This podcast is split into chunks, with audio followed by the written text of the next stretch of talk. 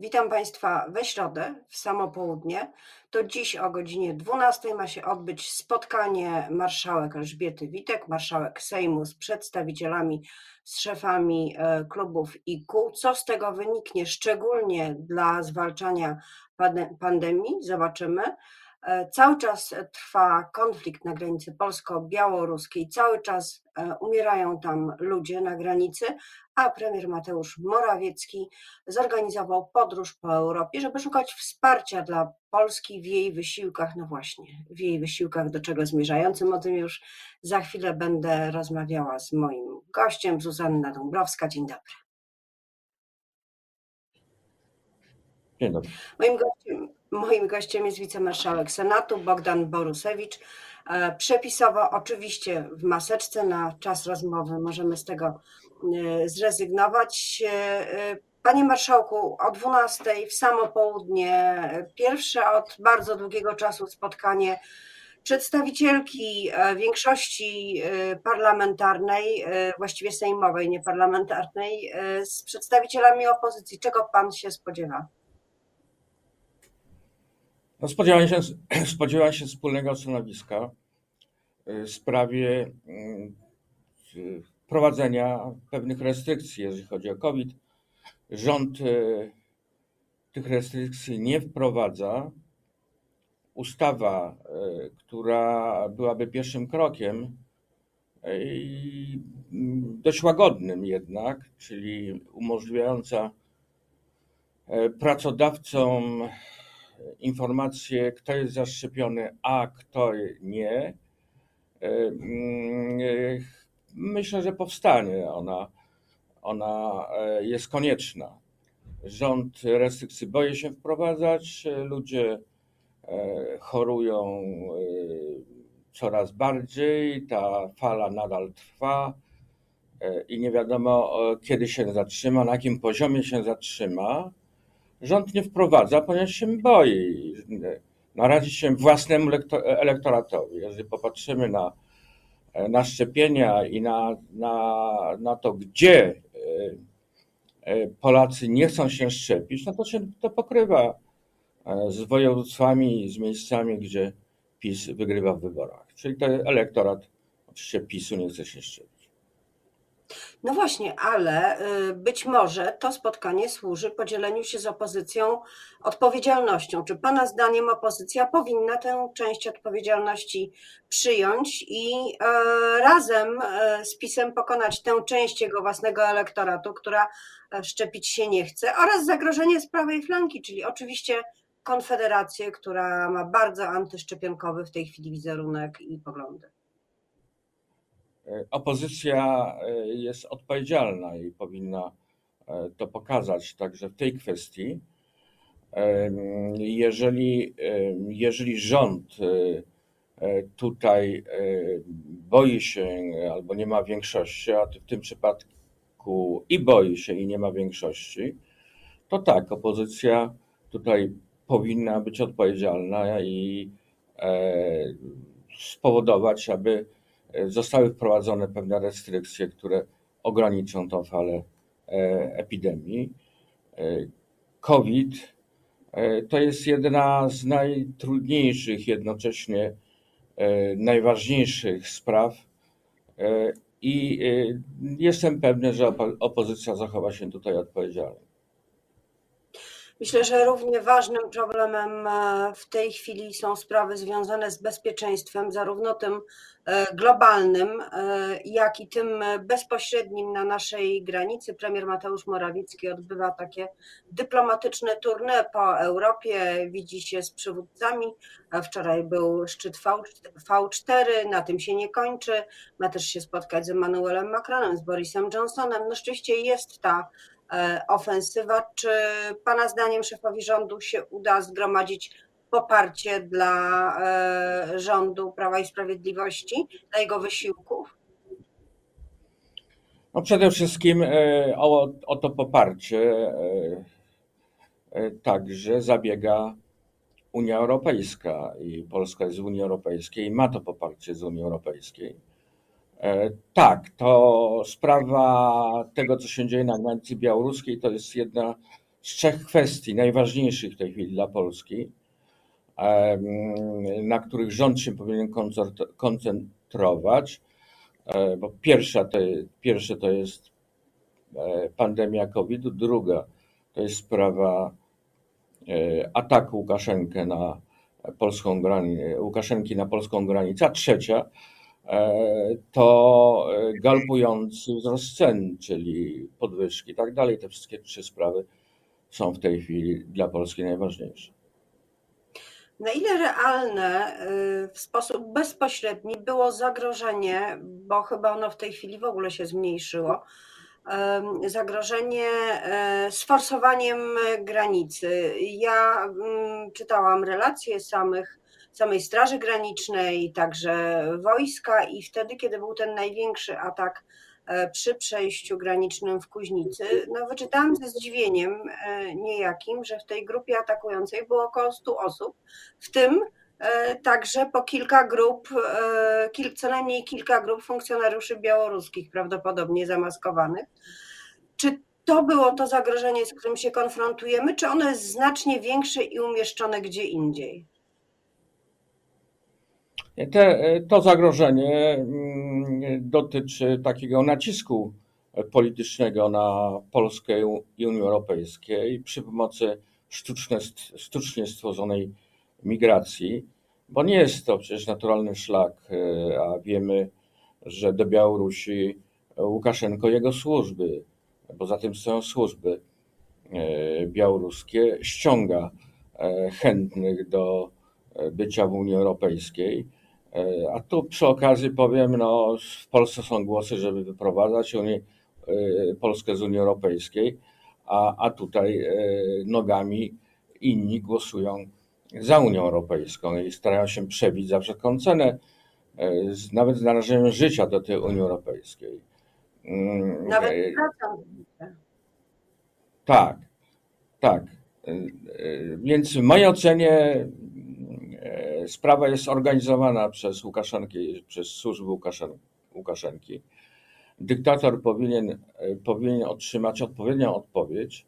E, ja jestem zwolennikiem, że jeżeli ta sytuacja ona e, nie ustąpi, a Łukaszenko nadal będzie e, szedł w tym kierunku, że powinien być, powinna być odpowiednia reakcja w postaci zablokowania ruchu, ruchu towarowego z Białorusią towarowego, towarowego czyli obrotu towarowego, towarowego Białorusi. E, I to możemy zrobić e, bez jakiejś konsultacji, bo nadal na granicy jest niespokojnie, a przejścia graniczne są naturalnym miejscem, gdzie, gdzie te grupy mogą się wedrzeć na terytorium Polski. Ja się nawet zdziwiłem, że po, po, po pewnym czasie nastąpił atak na przejścia na przejście graniczne, ale tam tych przejść granicznych jest kilka i w każdej chwili taki atak może się powtórzyć w innym przejściu. Panie Marszałku, e, napisał Pan w mediach społecznościowych, przestrzegł właściwie mm, przed tym, że na przejściu granicznym, czy też w strefie przygranicznej może po prostu pojawić się broń. Zresztą sam Łukaszenko mówił o tym e, jakby mimochodem e, przy okazji, że że może się tak e, zdarzyć, czy rzeczywiście groziłaby nam, e, jeśli nie podejmiemy odpowiedniej akcji, także właśnie dyplomatycznej, jako cała Unia, jako, jako wspólnota północnoatlantycka, nie podejmujemy, nie podejmiemy przeciwdziałania, czy groziłby nam po prostu konflikt zbrojny? Są też ostrzeżenia USA w sprawie ewentualnego ataku Rosji na Ukrainę znów. No tak, ale to w innym miejscu zupełnie. Mm, można to łączyć, ale niekoniecznie. E, ale wracając do, do, do, do Białorusi i tego, co się dzieje na granicy. Nie jakiś konflikt na szerszą skalę tutaj nam nie groził i nie sądzę, żeby nam groził w najbliższym czasie. E, niemniej, jak pani powiedziała, sam Łukaszenko mówił, że e, jakaś broń może Donbasu e, przeniknąć, a potem także twierdzi, że już przeniknęła, że oni coś tam złapali, wykryli, tak dalej, i tak dalej. A wcześniej chcę powiedzieć, że mówił, znaczy wcześniej przed tym kryzysem migracyjnym, który on spowodował, że on nie będzie wstrzymywał migrantów. E, każdy się dziwił, no skąd ci migranci? No, co prawda Białorusini uciekają i ich przyjmujemy e, spod zasięgu reżimu Łukaszenki, ale wszyscy sądzili, że to jakieś strachy na lachy. E, okazało się, że, że to realna rzecz, że on się do tego przygotował. Przygotowania były znacznie wcześniej. I jak obserwowałem ten konflikt, zaostrzenie tego konfliktu, to wyglądało na to, że Łukaszenko chce doprowadzić do jakiejś strzelaniny na granicy, do strzelaniny i w związku z tym e, no, miałem informację, że przygotował się do tego że służby białoruskie na jego polecenie się do tego przygotowały. E, ale zobaczymy, co będzie. W tej chwili nastąpiło zelżenie tego, tego nacisku i wydaje mi się, no że chyba jest nieaktualne, ale zawsze taka możliwość jest. No, dla Łukaszenki jakaś strzelanina, gdzie zginęłaby kobieta z dwójkiem dzieci, z dwójkiem dzieci, no byłaby rzeczą, którą by po prostu pokazywał w telewizji, jak, te, jak, jak teraz prawie codziennie pokazuje, jacy Polacy są wredni i jacy, jacy są niesłowiańscy, bo przecież mówimy, Białorusini Słowianie przyjmujemy wszystkich, no i wysyłamy dalej też wszystkich. Panie Marszałku, ale chyba trochę y, przynajmniej część z nas jest, jak Pan powiedział, wredna, bo te informacje, które mm, nadchodzą ze strefy przygranicznej, ze strefy stanu wyjątkowego, ze strefy, która do niego przylega, o kobietach, które poroniły, przerzucane przez y, druty, o ludziach, którzy stracili życie, o ludziach, którzy do teraz wychodzą z tego lasu z obu Puszczy Knyszyńskiej i Białowieskiej i po prostu wpadają padają na drogę, y, oczekując jakiejkolwiek pomocy. Tego wszystkiego można chyba było uniknąć. W tej sytuacji, jaką, jaką Łukaszenko stworzył, tego wszystkiego nie można było uniknąć. To znaczy ludziom, którzy potrzebują pomocy, znaleźli się po, znaleźli się po stronie polskiej i ta pomoc powinna zostać e, dana, ale mm, te, no nie można się poddać e, te, tego typu agresji przy pomocy właśnie biednych ludzi, sprowadzanych specjalnie przecież z Bliskiego Wschodu. E, I to jest także, to jest naruszenie terytorium Polski, no, choćby rzucanie kamieniami, granatami hukowymi i tak dalej, i tak. Więc e, tu, tu tą sytuację E, nie da się rozwiązać bez, e, bez strat i, i w białych rękawiczkach. No jednak. No tak, e, ale jeżeli, jeżeli, puścimy, jeżeli puścimy część, to, to ten napływ będzie coraz większy, to jest jasne. No tak, ale gdyby jednocześnie zahamować napływ, tak jak się to dzieje teraz, i stworzyć korytarz humanitarny, policzyć tych osób, to jest kilka tysięcy osób. Samo miasto Monachium zgłosiło się, że wszystkich ich przyjmie i jest w stanie się e, zaopiekować i przeprowadzić wobec nich e, procedury. To jednak pokazuje skalę. To nie jest napływ z 2015 roku. Mm, tak, tak, tak, ale trzeba sobie zdać sprawę, ja sobie doskonale zdaję sprawę, że, że jeżeli tu się otworzy furtka, to tych ludzi nie będzie kilka tysięcy a kwestia korytarza humanitarnego to jest kwestia także zgody Niemiec, dlatego że ci e, migranci nie chcą być w Polsce, oni chcą być w Niemczech, mówią. E, to jasno, ja ich rozumiem.